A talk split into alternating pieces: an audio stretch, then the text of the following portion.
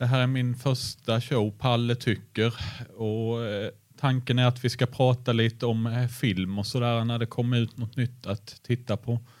Men eh, nu har ju Oscarsgalan varit så det får vara temat för denna gång. Och det var ju en minst eh, sagt eh, förvånande gala med en stor skräll. Det var eh, filmen Ever Everything Everywhere All At Once som tog hem sju Oscars. En film som jag, jag har ju plöjt igenom i princip alla de nominerade bidragen och den somnade jag till och har inte sett hela. Och sen tänkte jag att det, den får inte så, sånt stort fokus så ja, men det fick den ju så nu får man ju se om den på Viaplay. Och sen var det ju eh, The Whale som tog hem i manliga huvudroll. Den tyckte jag var jättebra. Även att jag inte gillar Brendan Fraser så tyckte jag att han förtjänade den statyetten. Han spelar en eh, person som har gått upp i vikt och sitter i sin lägenhet i hela filmen och inväntar döden i princip och så vill han försonas med sin dotter. Det är ju temat i den och det var en väldigt fin film tycker jag. Och sen var det ju mm, Tar eh, har jag sett på bio med Kate Blanchett som en eh, kompositör som råkar ut för en incident att hon eh, blir anklagad för eh, sexuella övergrepp mot sina elever. Så den trodde jag ju att det skulle bli en stark eh, representant för eh, kvinnor och sådär men Nej, så blir det inte. Den gick tomhänt därifrån. Everything Everywhere All At Once eh, innehöll eh, många asiatiska skådespelare och sen var det Jamie Lee Curtis som tog en roll i kvinnliga huvudroller. Och det, det var ju lite förvånande att den tog fokuset från alla större. The, The Fableman var också en stor favorit för mig, Steven Spielbergs eh, stora epos om hur han blev eh, filmregissör och om hur viktigt det är att gå till biografen och, och uppleva filmmagi. Den eh, bara försvann utan några eh, priser. Det var en fiktiv historia om hans liv eh, och den handlade verkligen om hur viktigt film är som medium så jag trodde ju att det eh, ja, skulle bli det stor succé. Sen eh, får man inte glömma att eh, vi hade många svenska nomineringar där i år också. Triangle of Sadness, Ruben Östlunds eh, lite halvkonstiga film eh, som var halvt komedi och drama. Den eh, tog inte hem no någon statyett och det var väl inte så oväntat heller med den konkurrensen.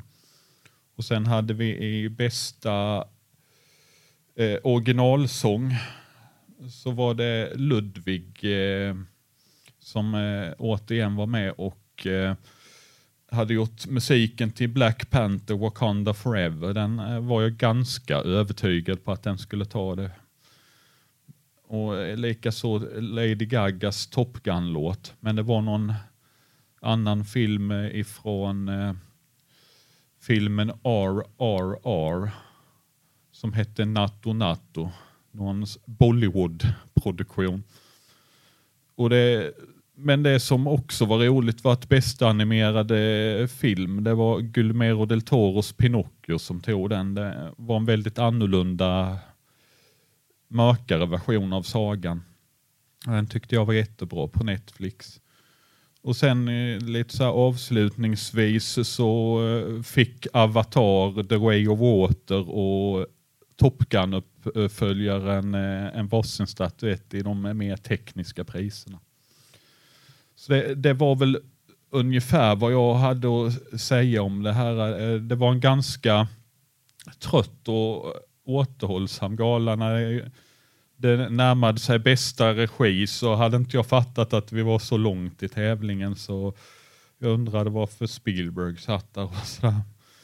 Men eh, plötsligt var det bara över och så hade den här uh, asiatisk-amerikanska filmen uh, alla priserna i slutänden, i princip. Sju Oscar blir det.